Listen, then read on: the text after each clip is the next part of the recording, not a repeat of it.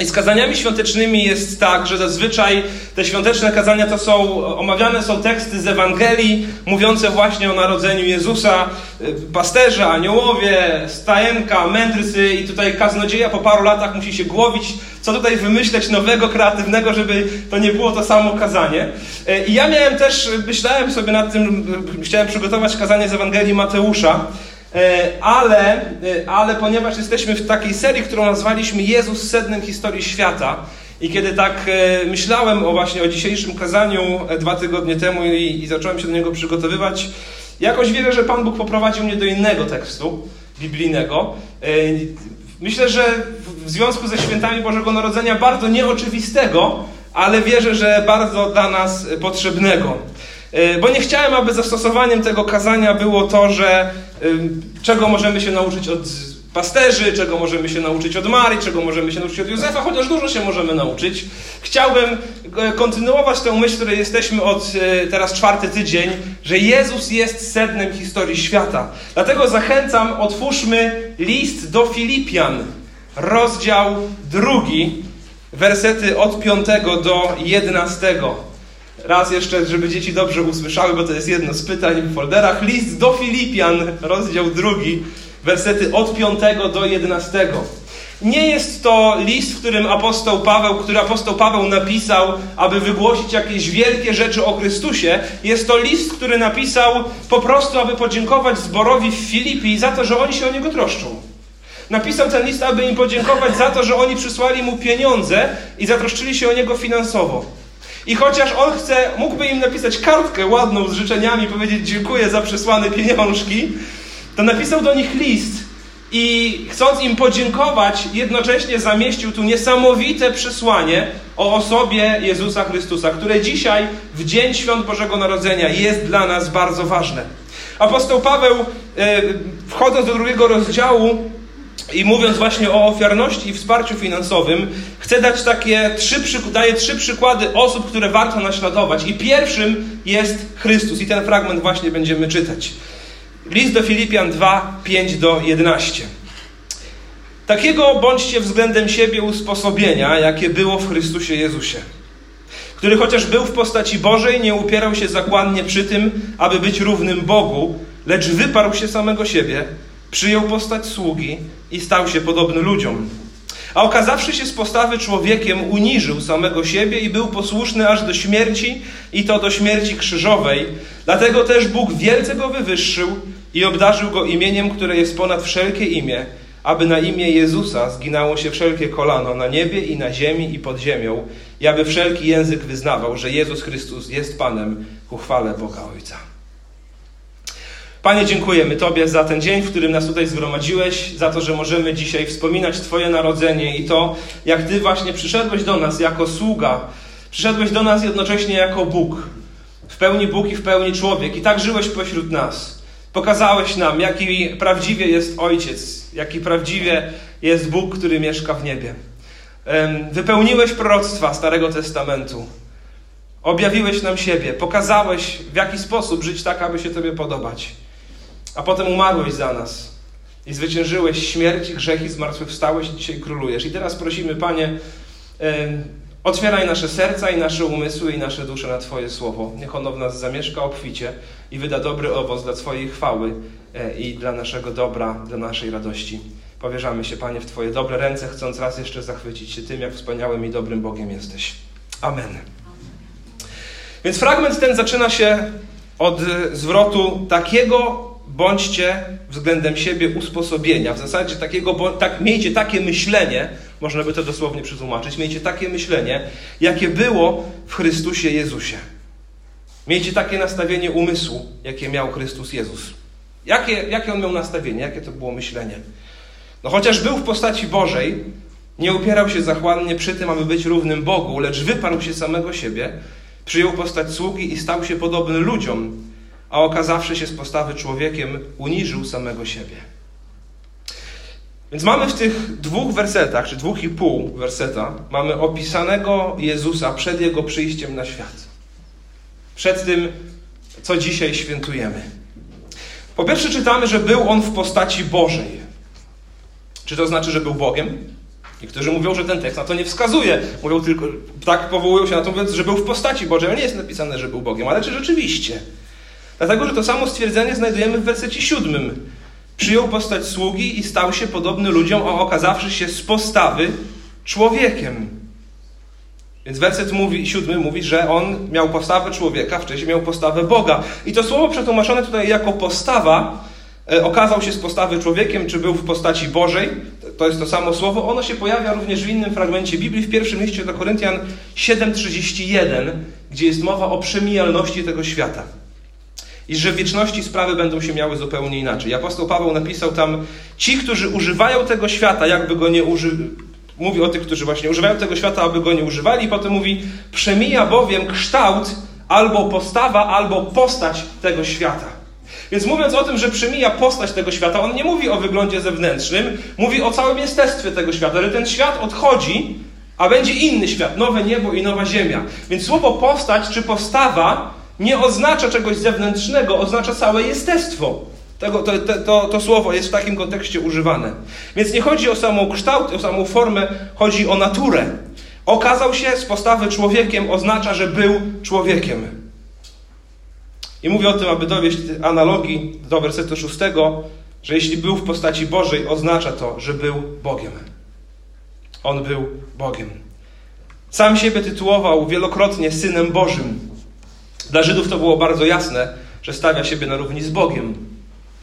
Dzisiaj znowu wielu podważa to, że Syn Boży nie oznacza Bóg, ale dla Żydów oznaczało. W Jana 5,18 czytamy, stąd Żydzi tym usilniej starali się go zabić, mieli mu za złe, że nie tylko rozluźnia rygory szabatu, ale że także nazywa Boga własnym Ojcem i tym samym stawia siebie na równi z Bogiem. To, że nazywał siebie Synem Boga, dla Żydów oznaczało, że stawia siebie na równi z Bogiem, że jest Bogiem. I tak rzeczywiście było. Dorosłemu synowi w starożytności należał się taki sam tytuł jak jego ojcu. Stąd Jezus, nazywający siebie Synem Bożym, mówi o sobie, że jest Bogiem. Wracamy do listu do Filipian. Chociaż był w postaci Bożej. Co Biblia mówi o postaci Bożej? Co Biblia, gdybyśmy przeszli przez całość, mówi nam o, o samej naturze Boga? Bo wcielenie Chrystusa, kiedy On przyszedł do nas, nie oznaczało abdykacji wiecznego Syna z tronu wszechświata, jego przyjście do nas nie oznaczało tego, że on przestał być Bogiem. Raczej przyszedł do nas, aby ponownie utwierdzić Jego władzę nad zbuntowanym stworzeniem, o czym mówi końcówka tego tekstu. Więc postać Boża. W Księdze Wyjścia 3.6 mamy opis tego, jak Mojżesz podchodzi do płonącego krzaku. Pamiętacie? O który się pali, ale się nie spala. Czytamy wtedy Mojżesz zakrył oblicze swoje, bał się bowiem patrzeć na Boga. Co sprawia postać Boża w Mojżeszu? Postać Boża sprawia, że on zakrywa swoją twarz, bo boi się patrzeć na Boga. Kilka lat później prosi Boga o to, aby móc zobaczyć Jego chwałę.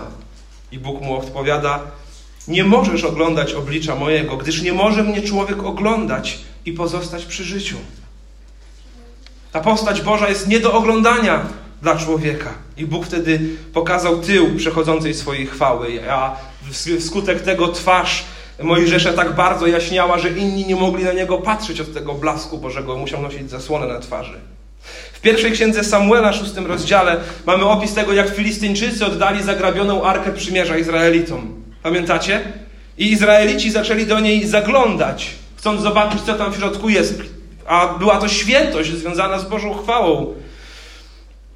Pan wytracił spośród mężów Betrzemesz 50 tysięcy 70 mężów za to, że zaglądali do skrzyni pańskiej. 50 tysięcy 70 mężów Pan wytracił za to, że zaglądali do skrzyni pańskiej. I odprawił lud żałobne obrzędy, że Pan tak wielki zadał mu cios. Mówili też mężowie z Betrzemesz, kto może ostać się przed Panem, tym świętym Bogiem. Ta postać Boża jest przerażająca w Starym Testamencie. Mojżesz zakrywa twarz, Bóg mówi, nie może człowiek na mnie patrzeć i żyć. Ludzie, którzy zaglądali do skrzyni Bożej, 50 tysięcy ponad, zginęło. A potem dochodzimy do księgi Izajasza, kiedy Boża chwała wypełnia świątynię w szóstym rozdziale i brzeg szaty Bożej pojawia się w świątyni. Pamiętacie? Co się wtedy dzieje? Cała świątynia wypełnia się dymem i trzęsie się, a Izajasz jest przekonany, że umrze od fragmentu szaty która tam była. Tydzień temu czytaliśmy fragment z Izajasza 40 rozdziału, gdzie mówiliśmy, gdzie prorok Izajasz, przekazując Boże Słowa, mówi o tym, że narody są jak pyłek na szalach wagi, jak kropla w wiatrze. Natomiast Pan Bóg nad tym wszystkim panuje. Nawet Libanu nie starczy na ogień ofiarny, a zwierzyny na całopalenie. Wszystkie narody są u Niego niczym. Uważa je za pustą nicość. Z kim więc porównacie Boga i jakie podobieństwo Mu przeciwstawicie? Idąc dalej w księdze Ezechiela, kiedy e, Bóg objawia swoją chwałę prorokowi w pierwszym rozdziale, to on pada przed nim na twarz i nie może się ruszyć. Jest sparaliżowany, jest jakby umarły z powodu tego, że spotkał się z Bożą chwałą. Większość ksiąg proroków mniejszych skupia się na tym, że różne narody są Bogu nieposłuszne i on zapowiada to, że będzie je sądził i będzie sądził sprawiedliwie i nikt nie może się temu przeciwstawić. A potem, kiedy wchodzimy do Nowego Testamentu, w liście do Kolosan czytamy o tym, że Jezus jest obrazem Boga, że świat został przez Niego i dla Niego stworzony, że nie miał On początku i nie ma On końca, że jest równy w swych atrybutach Bogu Ojcu. List do Hebrajczyków mówi, że On będąc na ziemi ukazał nam odblask Jego chwały, że podtrzymuje wszystko słowem swojej mocy. Czyli gdyby przestał podtrzymywać, wszystko co znamy upadłoby. A kiedy otworzymy Księgę Objawienia, to znajdujemy tam opis Jezusa, przez którym Jan, jego najbliższy uczeń, tak jak Ezechiel w pierwszym rozdziale Księgi Ezechiela, pada na twarz i mówi: Byłem jakby umarły przed uwielbionym Jezusem. I spotykamy w objawieniu Jezusa, który zwycięża wszystkich swoich wrogów, i oni ponoszą całkowitą klęskę i są jak podnóżek pod jego stopy. Widzimy Jezusa mającego doskonałą wiedzę o wszystkim, co jest we wszechświecie. Bez Jego wiedzy żaden ptak nie spada z nieba, a każdy włos na naszej głowie jest policzony. Widzimy Jezusa, który jest dawcą życia i jest tym, który je odbiera. Czterema słowami wywołał Łazarza z grobu, który od kilku dni był martwy. Powiedział: Łazarzu, wyjdź! W zasadzie dwoma słowami. I on wyszedł na jego wezwanie. Jest tym, który kontrolował każdą sekundę istnienia każdego człowieka na tym świecie i każdej istoty chodzącej po ziemi. Kiedy spotykamy opis tronu Bożego w Księdze Objawienia, to całe niebo klęka przed Bogiem i klęka przed barankiem i śpiewa na Jego chwałę i oddaje cześć barankowi, którym jest Jezus Chrystus, nasz Pan. I takich opisów w Biblii mamy mnóstwo o postaci Bożej. Opisów Boga, z którym nikt nie może się równać. Każdy człowiek, który ma do czynienia z Jego chwałą, jest wręcz przerażony. Więc czy rozumiemy, kim jest Jezus, zanim przyszedł na świat, kim jest teraz i kim był w czasie, kiedy tutaj był pośród nas? Zawsze i niezmiennie był Bogiem. Dla wielu to wzbudzało przerażenie. Ale, czytamy, chociaż był w postaci Bożej, werset szósty, nie upierał się zachłannie przy tym, aby być równym Bogu. Lecz wyparł się samego siebie, przyjął postać sługi i stał się podobny ludziom, a okazawszy się z postawy człowiekiem i tak dalej, i tak dalej. Ten wielki, odwieczny, święty Bóg, z którym nikt i nic nie może się równać. Przed którym ci, którzy spotykali Go, zakrywali twarz, albo padali na kolana, albo czuli się jakby, jakby umarli. Ten wielki Bóg, którego brzeg szaty, kiedy wypełnił świątynię, sprawiał, że świątynia cała drżała. Ten wielki Bóg urodził się w ludzkim ciele w małej wsi koło Jerozolimy. Urodził się w stajni, w miejscu, gdzie odpoczywały zwierzęta. A wcześniej rozwijał się w kobiecym łonie. Jak każdy z nas. Kiedy został zrodzony, został położony w żłobie, w którym na co dzień leżała pasza dla zwierząt. I przyszli go przywitać, najmniej chyba oczekiwani, pasterze, którzy akurat trzymali wartę na pastwisku. Okazawszy się z postawy człowiekiem. Zastanówmy się chwilę nad tymi słowami, co one oznaczają. Bo oznaczają to, że wielki, odwieczny, święty, potężny Stworzyciel był tym, który musiał jeść. Był tym, który był karmiony piersią, kiedy się urodził. To znaczy, że po karmieniu trzeba było go przewijać. Czy rozumiemy absurd tego, że Bogu trzeba było zmienić pieluchę? To aż, wiecie, aż, to, aż dziwnie się to mówi. Aż dziwnie się to wypowiada.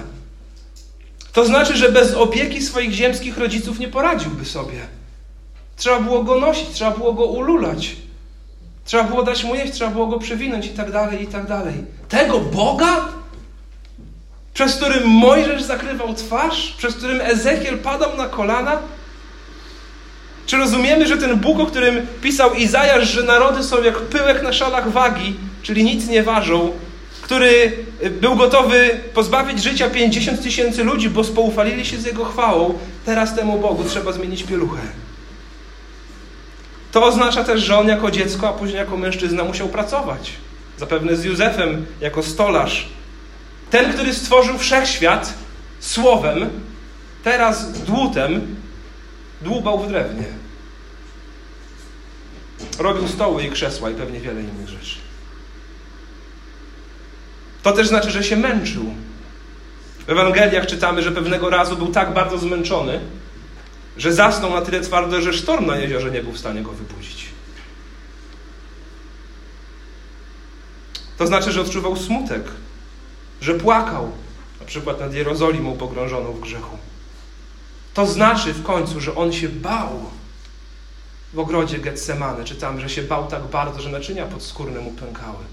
Krew wypływała razem z potem. Ze stresu. Bóg, dla którego narody są jak pyłek na szalach wagi, który podtrzymuje wszystko słowem swojej mocy, bał się? Ten, który powiedział, zanim Abraham był, jam jest. I ten, który powiedział, kto widział mnie, widział mojego ojca. Stał się też tym, który wisząc na krzyżu powiedział: Chce mi się pić. Chce mi się pić. A potem przybito go włócznią i krew z niego wypłynęła strumieniami i woda razem z tym i umarł. Kiedy myślę o tym absurdzie Bożego Narodzenia, to właśnie wtedy przychodzą mi na myśl słowa mojej ulubionej kolendy, którą dzisiaj śpiewaliśmy. Bóg się rodzi. To już jest nie do pomyślenia. Moc truchleje.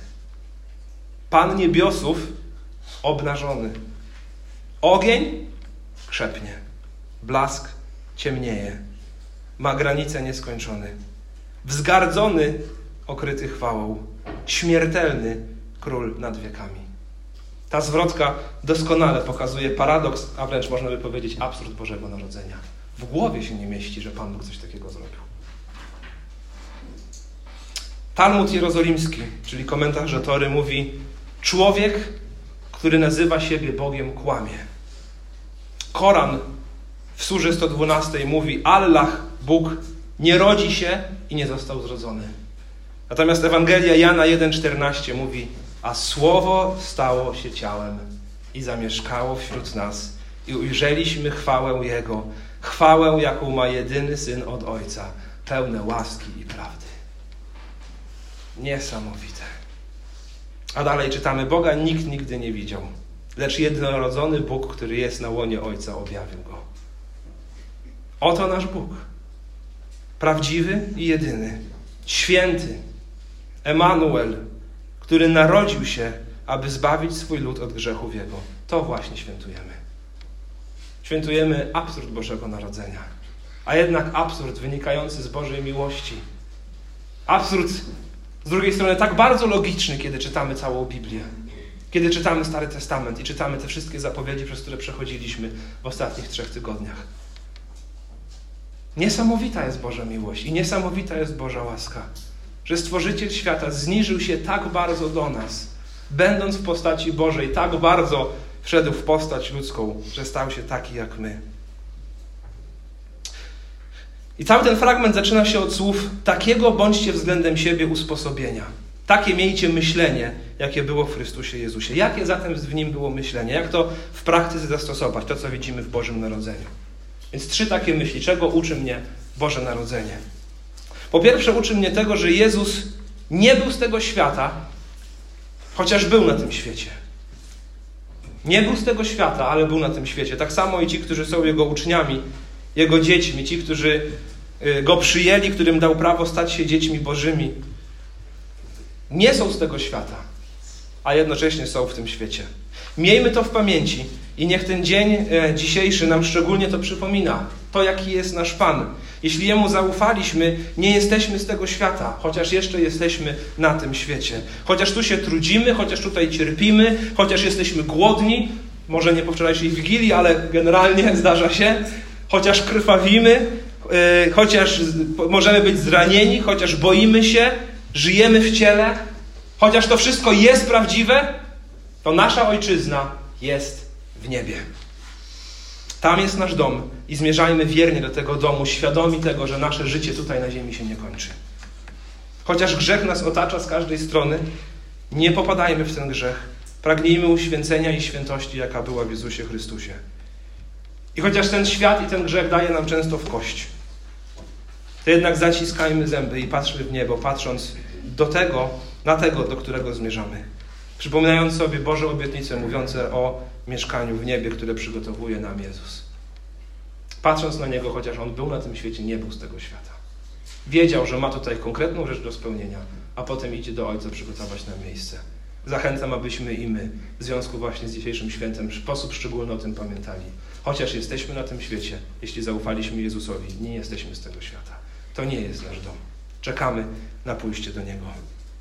Po drugie, święta Bożego Narodzenia uczą mnie zapierania się samego siebie. Takiego bądźcie myślenia, jakie było w Chrystusie Jezusie. On wyparł się samego siebie, czytamy w wersecie szóstym. Gdy Jezus był na ziemi, wyparł się, opróżnił swoją naturę w jakiejś mierze z, z tego majestatu i splendoru, jaki miał w wieczności. Porzucił swoją boską wolę, na przykład na rzecz całkowitego poddania się Bogu Ojcu. Pamiętacie, jak mówi, nic nie mogę sam z siebie uczynić? Jak słyszę, tak sądzę, a sąd mój jest sprawiedliwy, bo staram się pełnić nie moją wolę, lecz wolę tego, który mnie posłał. Drodzy, święta Bożego Narodzenia i myślenia o Chrystusie niech nas uczą zapierania się samych siebie, swoich ambicji, swoich własnych planów, swojej woli, na rzecz Bożej woli objawionej nam w Piśmie Świętym. Chrystus tak zrobił. Poddał się Ojcu. Potrzebujemy tego nastawienia. W ogrodzie Getsemane mówił: Niech nie moja, ale Twoja wola się realizuje. Potrzebujemy tego nastawienia wzywającego nas do całkowitego zaufania i powierzenia się Bogu, traktowania Go nie jak wspólnika, z którym wspólnie realizujemy nasze cele życiowe, ale rzeczywiście traktowania Go jak Pana, z którym realizujemy Jego cele. Chrystus przyjął postać sługi i będąc w ciele nie przestał być Bogiem, chociaż Jego niektóre atrybuty w jakiś sposób wydaje się, że zostały ograniczone. Więc zauważmy, kiedy uczniowie go pytają na przykład, kiedy on wróci, on mówi, nie wiem, ojciec mój wie. Poddał całą swoją wolę woli ojca. Zachęcam siebie i was, abyśmy i my rzeczywiście świadomie takich decyzji, takie decyzje podejmowali, wybierając wolę ojca. I po trzecie, święta Bożego Narodzenia uczą mnie tego, aby patrzeć na życie tak, jak patrzy Jezus, a nie tak jak patrzy ten przemijający świat. Patrzeć na życie tak jak patrzy Jezus, a nie tak jak patrzy ten świat. Mam na myśli rzecz następującą. Kiedy patrzę na to, co ceni świat w dzisiejszej kulturze i patrzę na postawę Jezusa, to zazwyczaj widzę zupełnie inne rzeczy. Na przykład, świat mówi, liczy się pieniądz. Ten, kto ma kasę, to jest ktoś. Jezus natomiast cały swój splendor, bogactwo, i chwałę zostawia i staje się sługą, co widać w całym jego ziemskim życiu. Zostawia swoje niebiańskie bogactwo na rzecz urodzenia się w stajni, na rzecz pracy cieśli. I mówi o sobie, że lisy mają nory, a ptaki mają gwiazdę, mają gniazda, a syn człowieczy nie ma gdzie by głowy skłonił. Jezus świadomie wybrał zupełnie inne życie. To nie znaczy, że mamy być biedakami, czy że nie mamy zarabiać pieniędzy, albo że nie mamy dbać o jakiś godziwy byt. Ale to znaczy, że są rzeczy niebotycznie ważniejsze niż pieniądze. I w Bożych oczach liczy się zupełnie co innego. Tak samo i my patrzmy na te pieniądze inaczej. Nie przez pryzmat, na, na, patrzmy na ludzi nie przez pryzmat tego, co mają, ale przez pryzmat tego, kim są. Jezus nie bał się tego wszystkiego zostawić, jeśli to było potrzebne do tego, by wypełnić wolę Ojca. Po drugie, świat mówi, liczy się piękno, i wygląd zewnętrzny. Natomiast o Jezusie czytamy, nie miał postawy ani urody, które by pociągały nasze oczy, i nie był to wygląd, który mógłby nam się podobać. Czyli po ludzku, patrząc na niego, powiedzielibyśmy sobie: Nic specjalnego. To nie znaczy, że nie mamy o siebie dbać. To nie znaczy, że nie mamy dbać o, o to, żeby dobrze wyglądać, aby być pięknymi i tak dalej, i tak dalej, ale to znaczy, że są sprawy o wiele ważniejsze niż wygląd zewnętrzny. Cóż nam po tym, że na zewnątrz będziemy piękni, jeśli w środku będzie gnijący człowiek? Tak samo i patrzmy na innych. Nie przez pryzmat tego, jacy są na zewnątrz, ale przez pryzmat tego, kim są i co mają w środku. Postawa Chrystusa z zewnątrz nie była pociągająca. Jednocześnie w niebie jaśniał jego blask. Czytamy to w pierwszym rozdziale objawienia Jana. Świat mówi, liczy się siła. Jezus natomiast mówi: Pójdźcie do mnie wszyscy, którzy jesteście spracowani i obciążeni, a ja wam dam ukorzenie. A kiedy czytamy kazanie na górze, czytamy błogosławieni ubodzy w duchu, albowiem do nich należy Królestwo Niebios. Błogosławieni, którzy się radują? Nie, którzy się smucą, albowiem oni będą pocieszeni. Błogosławieni głośni ekstrawertycy. Nie, błogosławieni cisi, albowiem oni na własność posiądą ziemię. O, błogosławieni najedzeni. Nie, błogosławieni, którzy łakną i pragną sprawiedliwości, albowiem oni będą nasyceni. Błogosławieni ci, co potrafią sami o siebie zawalczyć. Nie, błogosławieni miłosierni, albowiem oni miłosierdzie dostąpią.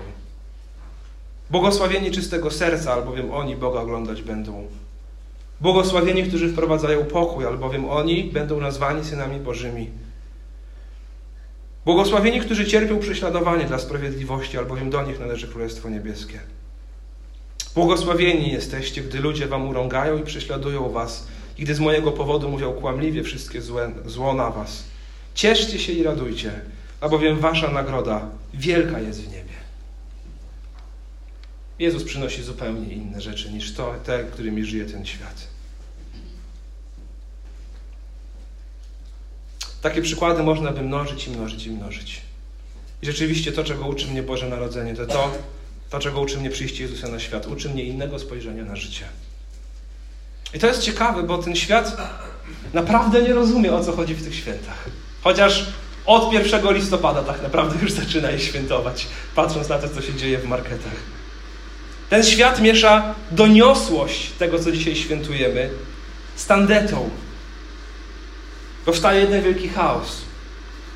Ten świat miesza prawdziwą radość ze świętowania przyjścia Pana i miesza to z wigilijkami firmowymi, które są okazją do nachlania się do nieprzytomności i wielu innych grzechów. Ten świat miesza skromność i biedę stajenki z miliardami wydawanymi na lepsze udekorowanie domu niż u sąsiada. Ten świat miesza brud stajni z białością śniegu, o którym mówi się już od listopada. Czy śnieg na święta będzie, czy nie będzie? To się wydaje być największym zmartwieniem w radiu i telewizji. Ten świat miesza ciszę nocy z harmidrem galerii handlowych. Ten świat miesza blask gwiazdy prowadzącej mędrców z mrugającymi lampkami. Ten świat miesza aniołów na niebie z reniferami latającymi na tle księżyca. Ten świat miesza plastikowe prezenty z bogactwem przyniesionym przez mędrców. Ten świat miesza Marię i Józefa z elfami Mikołaja i w końcu świat miesza odwiecznego Boga karającego za zło i nagradzającego za dobro, Boga, który kocha swoje dzieci, Boga, który wcielił się i przyszedł na świat jako dziecko z miłości do swoich dzieci, Boga, który umarł dla swoich dzieci i przyniósł im łaskę i pokój. Miesza go ze starszym Panem, z dużym brzuchem w czerwonym ubraniu, w latających saniach i wciskającym się do komina. Ten świat nie rozumie tego, o co chodzi w tych świętach. I znowu te wszystkie rzeczy, które wymieniłem, nie chcę powiedzieć, że one są jednoznacznie złe. Oczywiście, że nie. Nie chcę tego wszystkiego wyrzucić do śmietnika, ale chcę tylko wskazać na to, ceńmy to, co naprawdę ceni Bóg. Ceńmy to, ten cel, dla którego On przyszedł. Niesamowita jest dla mnie myśl o postaci Bożej i o postaci człowieka. Nie przeceniajmy tego, co ziemskie. Prezenty są fajne, światełka są fajne, drzewko jest fajne, ale czymże to jest wobec przyjścia naszego Pana, wobec Jego miłości i łaski? Świat tego nie rozumie. Nic w tym dziwnego, że nie rozumie, patrząc na to, czym się kieruje. Ale skoro nie rozumie, o co chodzi w Narodzeniu Pańskim, to tym bardziej nie rozumie, o co chodzi w Jego życiu. Patrzmy nie tak, jak patrzy świat, patrzmy tak, jak patrzy Bóg. Więc czego uczy mnie Boże Narodzenie? Trzech rzeczy. Jesteśmy w świecie, ale nie jesteśmy z tego świata, jak Jezus. Pełnijmy wolę Ojca, tak jak pełnił ją Jezus. I ceńmy to, co ceni Jezus, nie to, co ceni świat. I ostatnia myśl, wracając do Filipian 2. On wyparł się samego siebie i przyjął postać sługi i stał się podobny ludziom, a okazawszy się z postawy człowiekiem, uniżył samego siebie i był posłuszny aż do, do, do śmierci, i to do śmierci krzyżowej. Dlatego też Bóg wielce go wywyższył i obdarzył go imieniem, które jest ponad wszelkie imię, aby na imię Jezusa zginało się wszelkie kolano na niebie i na ziemi i pod ziemią i aby wszelki język wyznawał, że Jezus Chrystus jest Panem ku chwale Boga Ojca. Ach, niesamowite jest to zakończenie. W związku z Jego wcieleniem, w związku z tym, że Bóg przyszedł do nas, w związku z tym, że był posłuszny do śmierci, to do śmierci krzyżowej, więc poddał się pod wolę Ojca, Bóg wielce go wywyższył i obdarzył imieniem, które jest ponad wszelkie inne imię. On nie stracił swojej boskości, to co mówiłem na początku. On przyszedł raz jeszcze przed nami ją potwierdzić, tym razem właśnie w ludzkim ciele, nie tylko jako Stwórca, ale jako Odkupiciel. Aby na imię Jezusa zginało się wszelkie kolano na niebie, na ziemi i pod ziemią i aby wszelki język wyznawał, że Jezus Chrystus jest Panem ku chwale Boga Ojca. Drodzy, wyznajmy Go Panem. Wyznajmy Go Panem. On jest tego godzien. Bóg, Ojciec, wielce go wywyższył. Jego imię jest ponad wszelkie inne imię. Każde kolano w niebie, na ziemi i pod ziemią się przed nim zegnie, kiedy on tutaj wróci po raz drugi, a każdy język będzie wyznawał, że Jezus jest Panem. Nawet ci, którzy za swojego życia ziemskiego nie uznali go Panem. Kiedy go zobaczą, padną przed nim na kolana. Chociaż wtedy będzie już za późno, aby to właściwie uczynić. Radujmy się z tego, że Pan przyszedł do nas. Wyparł się samego siebie dla posłuszeństwa Bogu, okazania nam miłości i łaski. Przyszedł dla zbawienia człowieka. Uznajmy go Panem. Kiedy jak nie dziś? Kiedy jak nie dziś wyznać to, że Jezus jest Panem? Aby każdy język, również i polski, również i ukraiński, również i kaszubski, wyznawał, że Jezus Chrystus jest Panem ku chwale Boga Ojca. To dzisiaj świętujemy. Więc patrzmy na świat tak jak On na niego patrzy, wiedząc, że nie jesteśmy z tego świata, ale jesteśmy w tym świecie, że czeka nas spotkanie z Nim. A dopóki On jeszcze nie wraca, a my jeszcze nie jesteśmy w niebie, kroczmy w posłuszeństwie Jemu, czyniąc to, co również czynił i On. Amen.